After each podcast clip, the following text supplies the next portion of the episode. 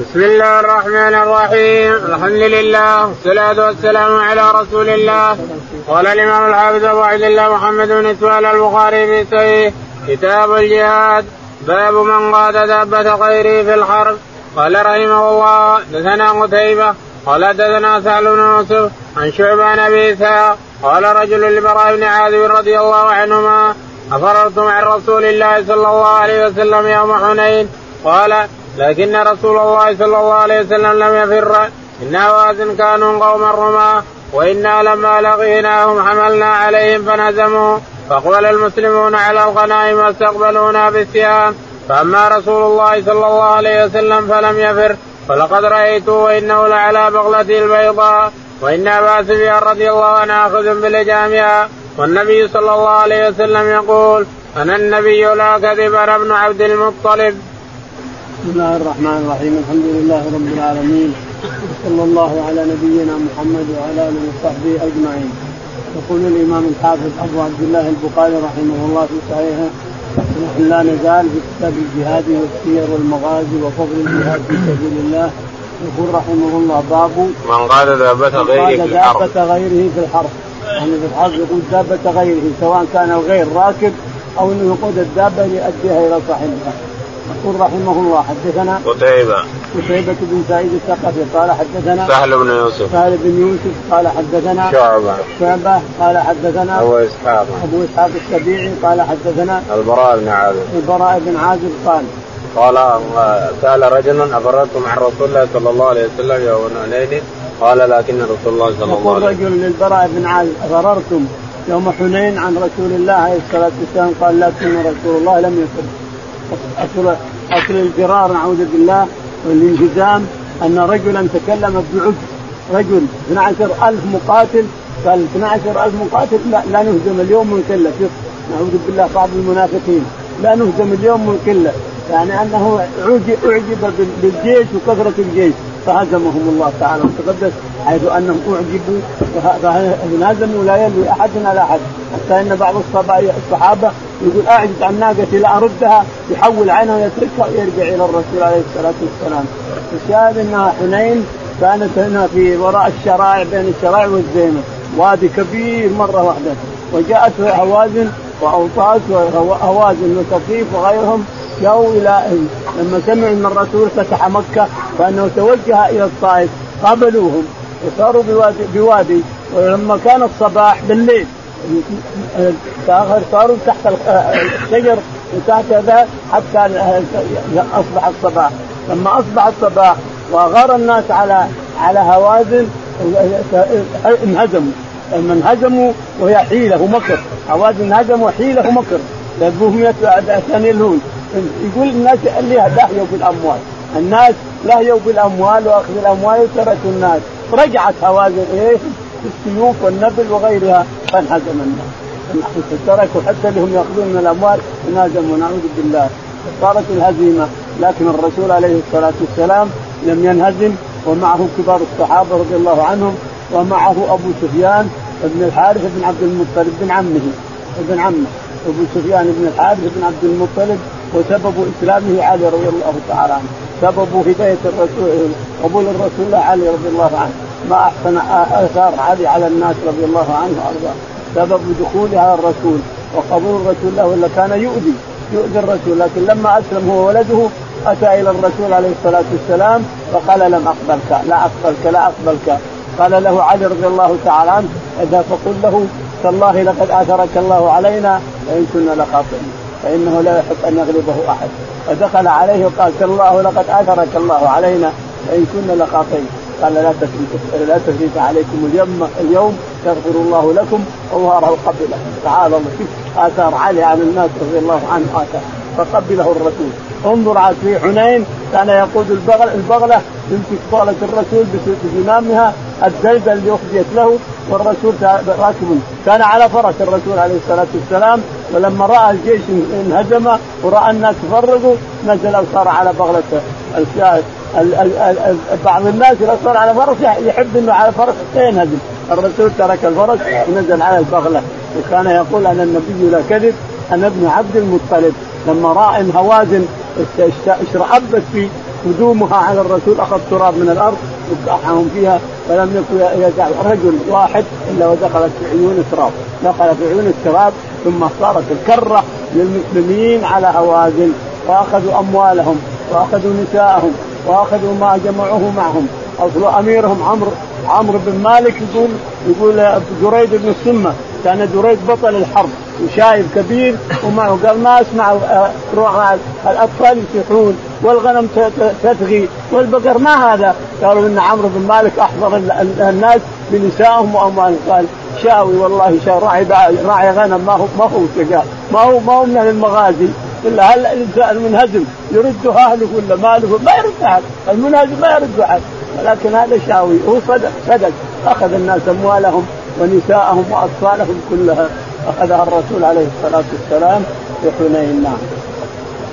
باب الركاب والقدر للدابة قال رحمه الله حدثنا عبيد بن إسماعيل عن أبي أسامة عن عبيد الله النافع عن ابن عمر رضي الله عنهما عن النبي صلى الله عليه وسلم أنه كان إذا أدخل رجله في القدر واستوت به ناقته قائمة هل من عند مسجد ذي الحليفة.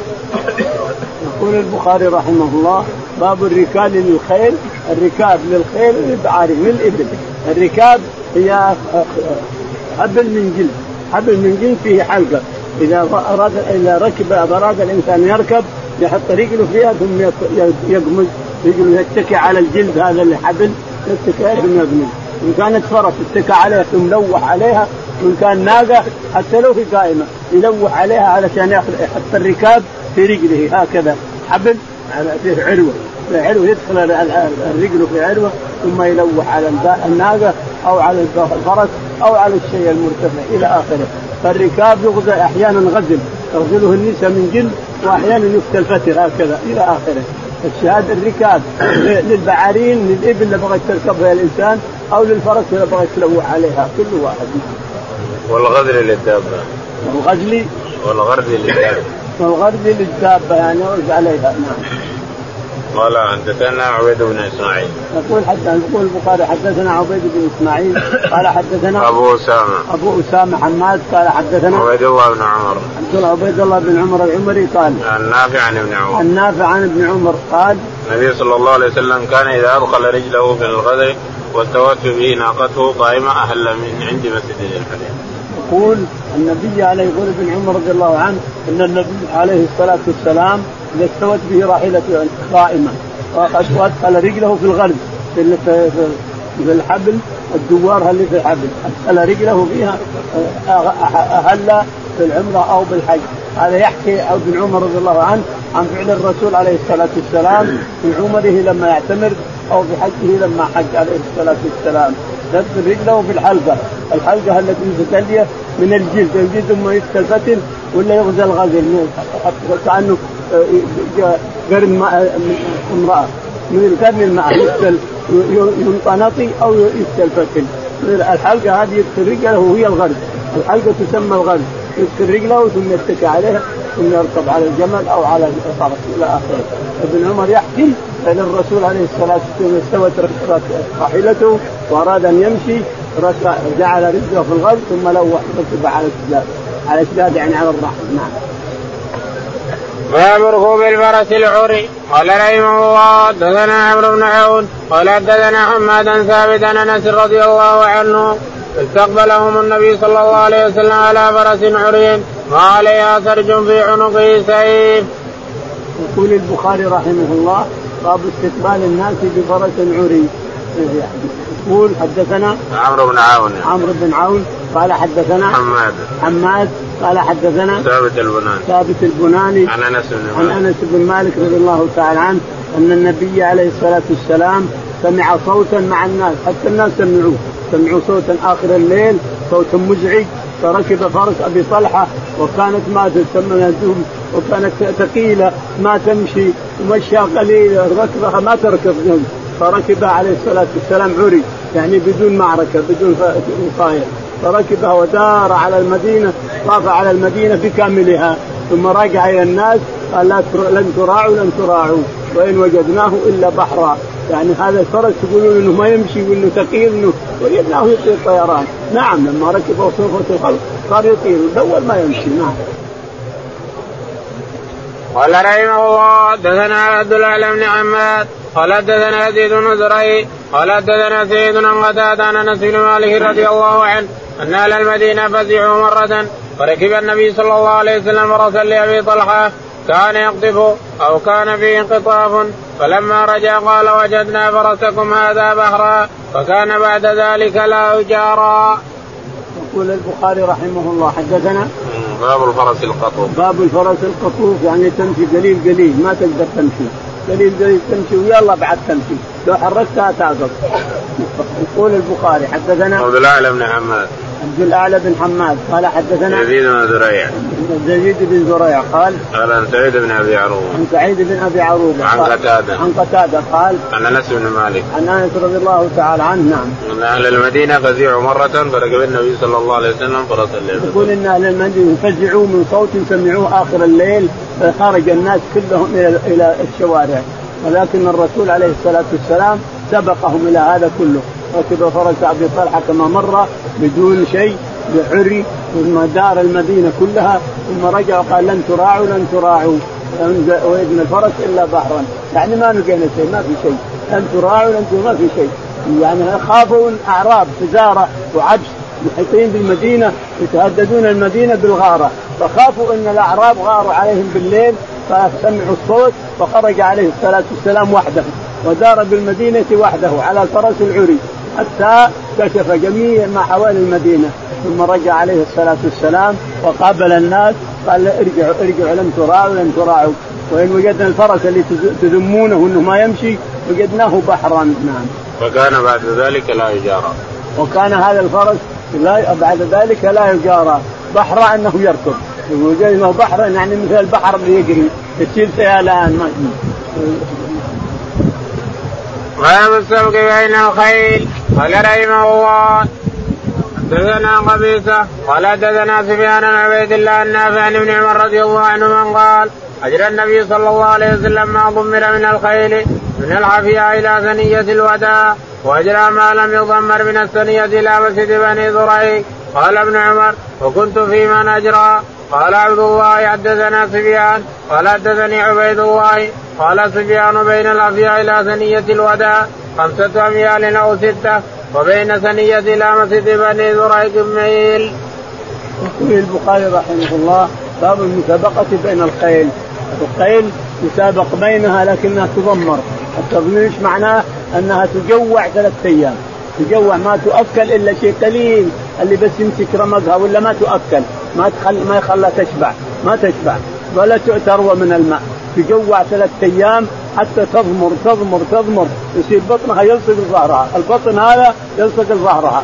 حتى تستطيع تجري، لو كان البطن كبير ما قدرت تجري، فكان يضمر المضمرات ثلاث أيام، الخيل المضمر يسابق بينه وبين الحفية إلى ثنيات الوداع، ثنيات الوداع هضاب ثلاث على جنب أحد شمال، شمال أحد، ثلاث هضاب شمال أحد من جهة الشمال، وهي الذي قابل جواري الرسول عليه الصلاة والسلام فيها. البدر طلع البدر علينا من ثنيات الوداع، بعض المؤرخين يغلط يقول لا ثنيات الوداع عند عند قبة. أية قبة؟ قبة لما قدم الرسول مكة المدينة ما حد درى عنه إطلاقا. إلا يهودي على نخلة فجاء من تلتمسونه أو تنتظرونه. ولا نزل على كلثوم بن الهدم على عمرو بن الهدم في قبة. وجلس سبعة أيام في قبة ما حد درى عنه. وجاء يعاد يمشي لما درس الأنصار رضي الله عنه عن الرسول خرجوا كتائب كل قبيلة تقول إلينا يا رسول الله إلى العدد والعدة فيقول دعوها فإنها مأمورة إلى آخره والقصة مشهورة معروفة إنما ثنية الوداع الجواري غنن رجوعه إلى تبوك لأنه تأخر عشان حوالي شهرين. تأخر عن المدينة حوالي شهرين. واشتاق الناس وخرج في المدينة بكاملها تقابله من ثنيات الوداع. طلع البدر علينا من ثنيات الوداع. وجب الشكر علينا ما دعا لله داع. ثنيات الوداع شمال اجرى الرسول الخيل المضمرة من ثنيات الوداع إلى الحفيه قرابه ستة أميال. ستة الأميال يعني 12 كيلو. الميل الميل كيلوين. يعني 12 كيلو تجري الفرس 12 كيلو. والميل الواحد عن عن كيلوين. في الميل كيلوين إلى اخرهم الشهاده اللي ما ضمرت اللي ما ضمرت ميل من كذا إلى مسجد بني زريق يقول ابن عمر كان ممن ركب فرس يجريها يسابق عليه. ابن عمر رضي الله عنه كان اليوم شباب نشيط وركب مع اللي يجرون الخيل. ركب واحدة يسابق مع الخيل. فسابق مع الأولى وسابق مع الثانية رضي الله عنه وأرضاه. نعم. قال ابن عمر وكنت في من اجرى. يقول كنت معهم نعم كان معهم رضي الله عنه نعم لأنه شاب خفيف وركب فرس والله مع اللي يجرون نعم. باب انوار الخيل للسبق قال رحمه الله دثنا أحمد بن يونس قال دثنا الليث النافع عن عبد الله رضي الله عنه أن رسول الله صلى الله عليه وسلم سابق بين الخيل التي لم تضمر وكان مدها من الثنية إلى مسجد بني زريق وأن عبد الله بن عمر كان سابق بها.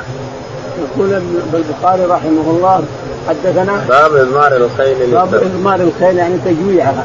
تجويع الخيل ثلاثة أيام لأجل جلسة البطن للظهر. ما ما تحس ما تحس بالجري اذا جرت لانك تبي تجري 12 كيلو. مثل من هنا إلى عرفات 12 كيلو تبي تجري الفرس. فلازم تضمر وتجوع ثلاث أيام. ما تؤكل ولا تشرب إلا شيء بس اللي يرمقها قليل قليل ولا ما تعطى أكل ولا تعطى شرب ولا شيء.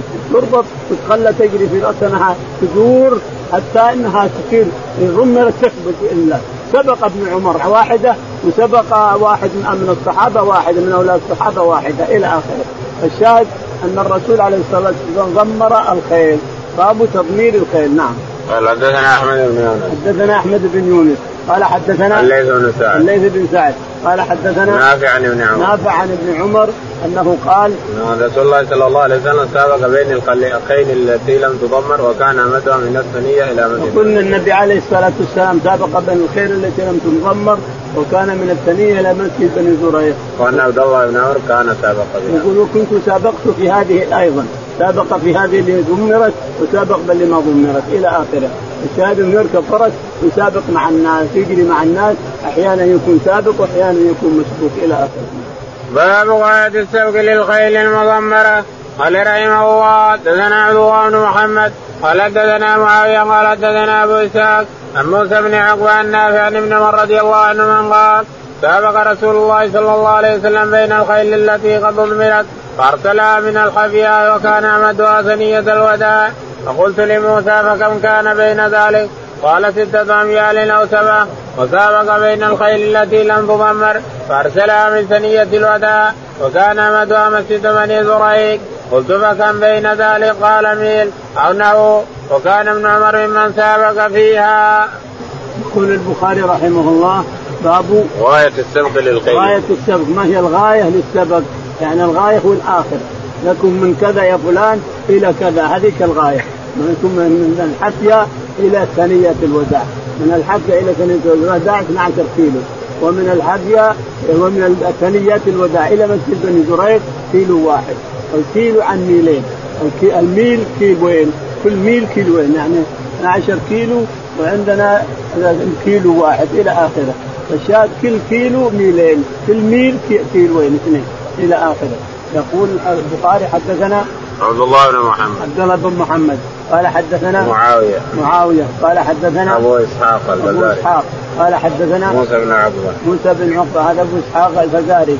قال حدثنا موسى بن عقبة. قال عن نافع عن ابن عمر. عن نافع عن ابن عمر. قال سبق النبي صلى الله عليه وسلم بين الخيل التي قد ضمرت فارسلها من الحفياء إلى ثنيه يقول إن النبي عليه الصلاة والسلام سابق بين الخيل فسابق من الحفية إلى ثنيات الوداع. قرابة 12 يقول كم؟ قال 6 كيلو أو 7 كيلو. 6 ميل أو 7 ميل. يعني حوالي 14 كيلو أو 12 كيلو. وأما هذه فهي كيلو واحد عن ميلين يعني. ميل واحد عن كيلوين. كل ميل كيلوين. كل ميل كيلوين. وانت ماشي. انت الشاهد سابق بينها مضمرة. ليش؟ لأجل يمكن يحصل غزو أو يحصل شيء. يمكن يغزو الرسول عليه الصلاة والسلام أو يغزون أو تغزى المدينة فيخرج المضمرات واللي ما ضمرت المهم تضمير مسابقة بين الخيل سنة. المسابقة بين الخيل اللي مربوطة للجهاد في سبيل الله سنة أن تسابق الإنسان وأن تضمرها أيضا. وتضميرها سنة وهو تجويعها ثلاثة أيام. تجويع الفرس ثلاثة أيام حتى يلصق بطنها وظهرها ولا تحس بالجري. إذا جرت ما يحس لأنه قد ينقطع. ينقطع قلبها وتنقطع كرشها وصارت ثقيلة وبطنها مليان أكل بطنها يختل وقلبها يختل. لكن لو ضمرت ثلاث أيام ما عاد تذوق شيء اطلاقا إلا لنقذها بس شيء شيء قليل قليل. يصير البطن يلصق للظهر. إن تجري ما يحس عليها. الجري ما يضرها. نعم. باب ناقة النبي صلى الله عليه وسلم. قال ابن عمر أردف النبي صلى الله عليه وسلم أسامة على القصوى. وقال المسور قال النبي صلى الله عليه وسلم ما خلات القصوى قال رحمه الله حدثنا عبد الله بن محمد قال حدثنا معاوية قال حدثنا أبو إسحاق عن حميد قال سمعت أنس رضي الله عنه يقول كانت ناقة النبي صلى الله عليه وسلم يقال له عضباء. يقول البخاري رحمه الله باب ناقة النبي صلى الله عليه وسلم. باب اسم ناقة النبي عليه الصلاة والسلام الرسول عليه الصلاة والسلام ناقتين ناقة تسمى القصوى وهي التي اشتراها من أبي بكر الصديق رضي الله عنه. جاء إلى مهاجرا الظهر. جاء مهاجر متقنع متقنع بشرشفه على رأسه عليه الصلاة والسلام. وما كان يأتي أبي بكر إلا في في الظهر متقنع قالت عائشة أو أو أسماء يا يا أبتي أتى الرسول. عجيب. ما كان يأتي هذه الحجة ومتقنع شرشفه على رأسه ما كان. فلما أتى دخل قال أخرج من عندك. قال ما عندي إلا زوجتك وبناتي. قال وقد أذن لي بالهجرة. أذن بالهجرة وكان يبكي أبو بكر الصديق. الصحبة يا رسول الله الصحبه قال نعم. قال عندي ناقتين. لك واحد قال لا اشتري واحدة بعني واحدة. فاشترى القصوى من أبي بكر الصديق رضي الله عنه. وأما العظبه فهو اشتراها من اعرابي غير القصوى. القصوى شيء والعظبه شيء آخر. فلما هاجر ركب القصوى عليه الصلاة والسلام وصارت هي التي يركبها دائما للغزوات وللحج وللعمرة وغيرها. أما العظبه فلا يركبها إلا لشيء مهم جدا. العظبه ما تركب إلا لشيء مهم جدا. الشاهد أنه له قصوى وله العظبه ويقول البخاري نعم قال اردف النبي صلى الله عليه وسلم أسامة على القصوى. يقول اردف النبي عليه الصلاة والسلام أسامة بن زيد حينما انصرفوا من عرفة على القصوى أردفه على القصوى ثم أردف الفضل بن عباس إلى منى نعم. وقال إلى مزدلفة ومن منى إلى نعم. وقال المسور بن مخرمة قال النبي صلى الله عليه وسلم ما خلعت القصوى. وقال مخرمة المسور بن مخرمة يقول الرسول ما خلعت. يعني لما نزل الرسول عليه الصلاة والسلام لما جاء من قبى ركب القصوى يمشي والأنصار يتقابلونه كل قبيلة يقول إلينا إلى العدد والعدة يا رسول الله. إلينا دعوها فإنها مأمورة حتى وصلت إلى المسجد محل المسجد فبركت. قالوا خلعت القسوة قال ما ما ما كان لها خلق ما تخلق ولا وما كان لها خلق. ثم نهضت. نهضت وراحت بعيد ثم رجعت ثم بركت مبركها ثم مدت كرانها مرت رقبتها الخلاص فحول عنها الرسول وأخذ أبو أيوب رضي الله عنه اتى الرسول عليه الصلاة والسلام وهو من أقواله بني النجار. المهم قال ما خلعت القصوى يعني إنها اذا عيت لا تمشي يعني يسمونها خلعت. خلعت الناقة خلعت. عيت لا تمشي. يضربها يوصل فيها تمشي ما تمشي. خلعت الناقة خلعت القصوى قال ما خلعت وما هو لها بخلق. ولكن حبسها حبس فيه وكذلك في جعرانه وبركت ولم تمشي. قالوا خلعت خلعت. قال ما خلعت. ولكن حبسها حابس الفيل الفيل حبسه الله عن مكة لأن أبرهة فاسق وكافر يريد أن يهدم الكعبة لأنه سوى كعبة في اليمن وجاء من رجل من قريش ولوث في الكعبة. قال من فعل هذا؟ من قالوا واحد من قريش يقول انك تبي تهدم كعبتهم فلوث في كعبة قال إلا اهدمها هذا. وجاء بفيلة وجيش وغيره حتى قصتهم معروفة في سورة الفيل معروفة مشهورة 12 فيل. الفيل الأول اسمه محمود مثل القراطيس بياض مطهود 12 ميل 12 متر طوله. وعرضه عليه أربعين من الحبشة مصلخين عرايا ومعهم حراب يفرقونها زرق كذا يحاربونهم عليها. لما وصل إلى المغمس أتاه جبريل عليه الصلاة والسلام أبرك محمود فإنك في أرض الله. فبرك تعال قومه تعال قوم محمود وبركة في فحصل الهجام كما قص الله علينا تعالى وتقدس إلى آخره نعم. قال حدثنا عبد الله بن محمد. يقول حدثنا عبد الله بن محمد قال حدثنا معاوية بن عمرو. معاوية بن عمرو قال حدثنا أبو إسحاق أبو إسحاق قال حدثنا حميد الطويل. حميد الطويل قال عن أنس بن مالك. عن أنس رضي الله عنه قال كان هذا ناقة النبي صلى الله عليه وسلم يقال له العضبة. قال الرسول عليه الصلاة والسلام ناقة له يقال لها العضبة لا تسبق. فجاء أعرابي على قعود صغير وسبقها. فشق ذلك على الصحابة رضي الله عنهم. شق وزعلوا وجزعوا جزعا شديدا. كيف أعرابي على يسبق ناقة الرسول العضبة فقال حق على الله ما ارتفع من شيء إلا وضعه. حق على الله ما ارتفع من شيء إلا وضعه. اذا ارتفعت السبق كانت تسبق الجيوش. حق على الله ما ارتفع من شيء إلا وضعه. نعم.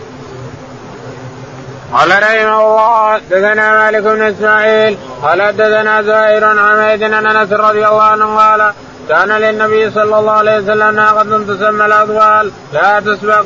قال حميد ولا تقعد تسبق. فجاء رابي على قعود فسبقها. فشق ذلك على المسلمين حتى عرفه. فقال حق على الله ألا يرتفع شيء من الدنيا إلا وضعه. طوله موسى عن حمادا ثابتا عن النبي صلى الله عليه وسلم. يقول البخاري رحمه الله حدثنا مالك بن إسماعيل. مالك بن إسماعيل. قال حدثنا زهير. زهير. قال حدثنا حميد الطويل. حميد الطويل عن أنس بن مالك. أنس بن مالك رضي الله تعالى عنه أن النبي عليه الصلاة والسلام له ناقة تسمى العظبه لا تسبق. كان سابق بها ما تسبق. فجاء أعرابي على قعود يعني جمل صغير. القعود جمل صغير جاء أعرابي عليه ثم قال تسبقني تسابقني يا محمد سابقني يا محمد.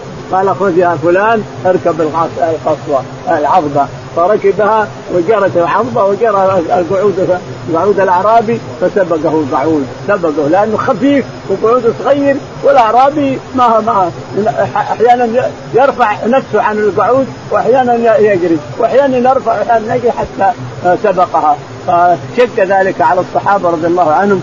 حتى عرف ذلك في وجوههم وعرف الرسول ما في وجوههم فقال لهم حقا على الله ما ارتفع من شيء إلا وضعه حق على الله ما ارتفع من شيء إلا وضعه. نعم. باب النبي صلى الله عليه وسلم البيضاء؟ قال هو انس وقال أبو حميد أهدى ملك عيلة للنبي صلى الله عليه وسلم مغلة بيضاء. قال رحمه الله. حدثنا عمرو بن علي. قال حدثنا يحيى. قال حدثنا سفيان. قال حدثني أبو إسحاق. قال سمعت عمرو بن الحارث رضي الله عنه قال ما ترك النبي صلى الله عليه وسلم إلا بغلته البيضاء وسلاحه وأرضا تركها صدقة. يقول البخاري رحمه الله حدثنا بغلة النبي صلى الله عليه وسلم. بغلة النبي عليه الصلاة والسلام. قال حدثنا قال هو أنس عن النبي صلى الله عليه وسلم. قال هو أن للرسول بغلة تسمى الدلدل يقوله أنس بن مالك. حدثنا قال ابو قال أبو حميد أهدى للنبي أهدى ملك عيلة للنبي صلى الله عليه وسلم يقول أبو حميد عن أنس المتكلم أن الملك ملك غسان ملك ايله أهدى للرسول عليه الصلاة والسلام البغلة. لكن الصحيح اللي في الأمهات انها أن اهداها له المقوقس ملك ملك مصر المقوقس ملك مصر أهدى له الدلدل هذه البغلة البيضاء تسمى الدلدل واهدى له حمار يسمى يعفور. كان يردف عليه معاذ بن جبل رضي الله عنه واهدى له جاريتين إحداهما تسررها عليه الصلاة والسلام تسمى ماريا القبطية وولدت له إبراهيم. ولهذا يقول استوصوا بأهل مصر خيرا فإن لهم رحما. استوصوا بأهل مصر خيرا فإن لهم رحما. رحمهم أن النبي عليه الصلاة والسلام نبينا عليه والسلام رحمهم وإبراهيم عليه الصلاة والسلام رحمهم. هاجر من مصر وما ومارها القبطية من مصر. فنبيين تزوجوا منهم فاستوصوا بأهل مصر خيرا فإن لهم رحما. الثاني أعطاها أنس بن مالك رضي الله عنه وهي أم أهل أنس بن مالك وتسررها فولدت له حفصه وولدت محمد بن وولدت كذا إلى آخرة. قال حدثنا عمرو بن علي الفلاس قال حدثنا عمرو بن علي الفلاس قال حدثنا يحيى بن سعيد يحيى بن سعيد الأنصاري قال القطان. القطان قال حدثنا سفيان الثوري. سفيان الثوري قال حدثنا أبو إسحاق الثوري. أبو إسحاق السبيعي قال قال سمعت عمرو بن الحارث قال قال النبي قال ما ترك النبي صلى الله عليه وسلم إلا بغلة البيضاء يقول سمعت عمرو بن الحارث يقول ما ترك الرسول عليه الصلاة والسلام إلا بغلته البيضاء يعني اللي أهدى له. و وسلاحه أرضا وسلاحه وأرضا كانت صدقة لوجه الله. أرض كان يعدها للصدقة لوجه الله. نعم. قال رحمه الله دثنا محمد بن المثنى قال دثنا يحيى بن سعيد عن سفيان قال حدثني أبو إسحاق عن البراء رضي الله عنه قال له رجل يا أبا عمارة وليتم يوم حنين. قال لا والله ما ولى النبي صلى الله عليه وسلم ولكن ولى سرعان الناس. فلقيه مواسم بالنبل والنبي على بغلته البيضاء وأبو سفيان بن الحارث آخذ بلجامها والنبي صلى الله عليه وسلم يقول أنا النبي لا كذب أنا ابن عبد المطلب. الجاريه اللي اعطى الرسول عليه الصلاة والسلام أنس بن مالك لم يتسرها أنس. أنس ما تسرها إنما أعطاها سيرين. السيرين تسررها وولدت له الأربعة حفصة ومحمد بن سيرين وغيرهم. أما أنس ما تسررها أعطاها غلامه زوجها الغلام أو اعطاها إياه غلام له يسمى سيرين. هذه جارية مع الجارية حقت الرسول عليه الصلاة والسلام. أنا قلت إن أنس أنس ما تسررها ولا تزوجها ولا مسها.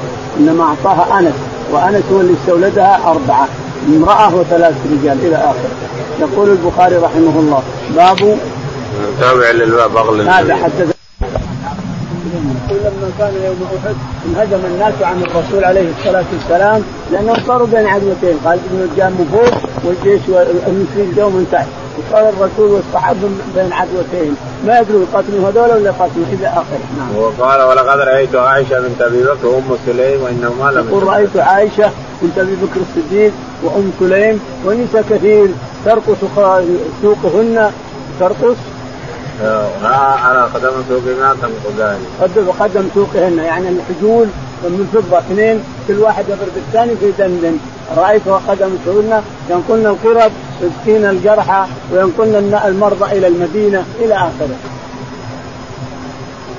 في وقعة اليرموك في وقعة اليرموك. جاء بولس اخوه أخوه ماهان الأرمني الذي هو رئيس الجيوش مليون. الكفار مليون والصحابة 35 ألف. وجاء بولس من وراء الناس والنساء من وراء الناس فاخذ الحريم بزعمه بياخذ النساء. النساء كثير منهن نساء الأنصار ومنهن الالتقاء تعرف القتال ومنهن كذا. لما حازوهن عن الرجال يريدون يهربوا بهم صفا صف واحد كله.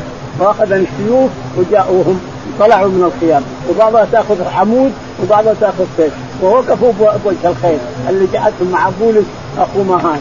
لما وقفوا صاروا يضربون الفرس ويضربون الفارس. حتى لما جاء قال سمع خالد رضي الله عنه أن النساء أخذنا اخذنا الكلب. جاء يركض هو وضرار الأزهر بس الاثنين فقط. خالد وضرار فقط جو. جاء, جاء فزعة له لما جو إلى النساء صفات صفين يضربون الكفار. الله الله الله. قال لا تعجب يا ضرار لا تعجب هذول بنات تبع. بنات تبع الكرب الأول تبع الأول هذول بنات تبع لا تعجب لا تعجب. الشاهد إنه يفك انفسهم النساء فكت انفسها من المشركين. نعم. حدثنا. باب حمل النساء الغرب إلى الناس في الغزو قال رحمه الله حدثنا عبدان. قال أخبرنا عبد الله قال أخبرنا يونس بن شهاب. قال ثعلبة بن أبي مالك إن عمر بن الخطاب رضي الله عنه قسم مروطا بين نساء من نساء المدينة فبقي مرط جيد فقال له بعض من عنده يا أمير المؤمنين اعط هذا ابنة رسول الله صلى الله عليه وسلم التي عندك يريدون أم كلثوم بنت علي. فقال عمر أم صليد احق أم صليد احق من نساء الأنصار ممن بايع رسول الله صلى الله عليه وسلم قال عمر فإنها كانت فإنها كانت تزفر لنا القرب يوم أحد. قال أبو عبد الله تزفر تخيط. يقول البخاري رحمه الله حدثنا باب حمل النساء القرب إلى الناس باب حمل النساء القرب إلى الناس تسقيهم يصبوا بهذا بهم هذا بهم هذا بهم هذا ينقلن الراجل اللي مجروح ينقلنه إلى المدينة. يبعدينه عن القتال لا يقتل مرة ثانية. لا يدقق عليه. يقول حدثنا عبدان. عبدان. قال حدثنا عبد الله المبارك عبد الله بن المبارك. قال حدثنا يونس بن يزيد. يونس بن يزيد الأيلي قال عن ابن شهاب. عن ابن شهاب الزهري قال عن ثعلبة بن أبي مالك. عن ثعلبة بن أبي مالك قال إن عمر بن الخطاب قسم مروطا. الخطاب رضي الله عنه قسم مروطا على نساء جاءت يعني جاءت غنيمه من أموال المشركين مروط يعني ملابس ثياب غنيمه فقسمها على نساء المسلمين وبقي واحد بقي مرط واحد. فقالت وقال من عنده اكسها بنت بنت رسول الله. ام كلثوم بنت علي من فاطمة. اكساير كان عمر رضي الله عنه تزوج أم كلثوم بنت علي بن أبي طالب وأمها فاطمة. لما كان خليفة طلبها من علي وهي أم 13 سنة. فتزوجها عمر رضي الله عنه. ان كنتم يقول واتي بصلتي صلة الرسول عليه الصلاة والسلام. فقال من حضر اكسها أم بنت بنت بنت الرسول أم كلثوم اللي عندك. قال اكسوها أم سليط. أم سليط. كانت حاضرة على عهد الرسول عليه الصلاة والسلام في أحد وكانت تنقل الماء للناس وكانت تخيط القرب يعني تخرجها. تخرج القلبة إذا انشقت خرجتها وتخرج القلب من أصلها. وكانت تنقل الماء للمصابين وغيرهم. فهي الذي أحق هي أحق من الأنصارية هي أحق من أم كلثوم رضي الله عنه منصف. هذا هو الإنصاف. هذا هو الإنصاف بعينه رضي الله عنه وأرضاه. نعم. باب مداواة النساء الجرحى في الغزو. قال رحمه الله حدثنا علي بن عبد الله. قال حدثنا بشر المفضل قال حدثنا خالد بن زكوان عن الربيع بنت معاوية رضي الله عنها قالت كنا مع النبي صلى الله عليه وسلم نسقي ونداوي الجرحى ونرد القتلى إلى المدينة. يقول البخاري رحمه الله باب غزو النساء ومداواتهن الجرحى في الغزو. يقول حدثنا علي بن عبد الله. علي بن عبد الله. قال حدثنا بشر بن المفضل. بن المفضل. قال حدثنا خالد بن زكوان خالد بن زكوان قال عن الربيع بنت عن الربيع بنت أنس بن النضر. هذا الذي حلف أخوها أنس بن النضر رضي الله عنه الذي قتل في أحد. حلف أنها لا تكسر ثنية الربيع. فلما أتوا الأنصار قالوا سمحنا يا رسول الله فنازلنا إلى الدية. فقال الرسول عليه الصلاة والسلام إن من عباد الله إن لو أقسم على الله لابر قسمه. هذه الربيع اللي حلف عليه. تقول الربيع كنا مع الرسول عليه الصلاة والسلام في أحد ننقل القرب ونداوي الجرحى ونداوي نضمد المرضى وننقل المرضى الجرحى إلى المدينة لئلا يأتيه الكفار إلى آخره. يعني مع الذين ينقلون الذي ذكر أنس نعم. باب رد النساء الجرحى والقتلى قال رحمه الله حدثنا مسدد قال حدثنا بشر المفضل عن خالد بن زكوان عن الربيع بنت معوذ رضي الله عنها قالت كنا نغزو مع النبي صلى الله عليه وسلم فنسقي القوم ونخدمهم ونرد الجرحى والقتلى إلى المدينة. يقول البخاري رحمه الله باب رد الجرحى إلى المدينة، رد النساء الجرحى إلى المدينة، حدثنا مسدد. مسدد. قال حدثنا بشر بن المفضل. بشر بن المفضل. قال حدثنا خالد بن زكوان خالد بن ذكوان. قال عن الربيع بنت عن الربيع بنت معوذ. قال قالت كنا نغزو مع النبي صلى الله عليه وسلم فنسقي القوم ونخدمهم. تقول كنا مع الرسول نغزو مع الرسول عليه الصلاة والسلام فننقل القوم الجرحى من من المعركة إلى المدينة ونسقي العطش وننقل الجرحى من المعركة مكان المعركة في أحد إلى المدينة. يقابل اثنتين ينقل الرجال هذه مع السوق وهذه مع ينقلونه إلى المدينة لئلا يأتي عليهم الكفار يقتلونهم. نعم. ونرد الجرحى والقتل إلى المدينة. باب نادي السامي في البدن. قال رحمه الله حدثنا محمد بن علاء قال حدثنا أبو سام بريد بن عبد الله.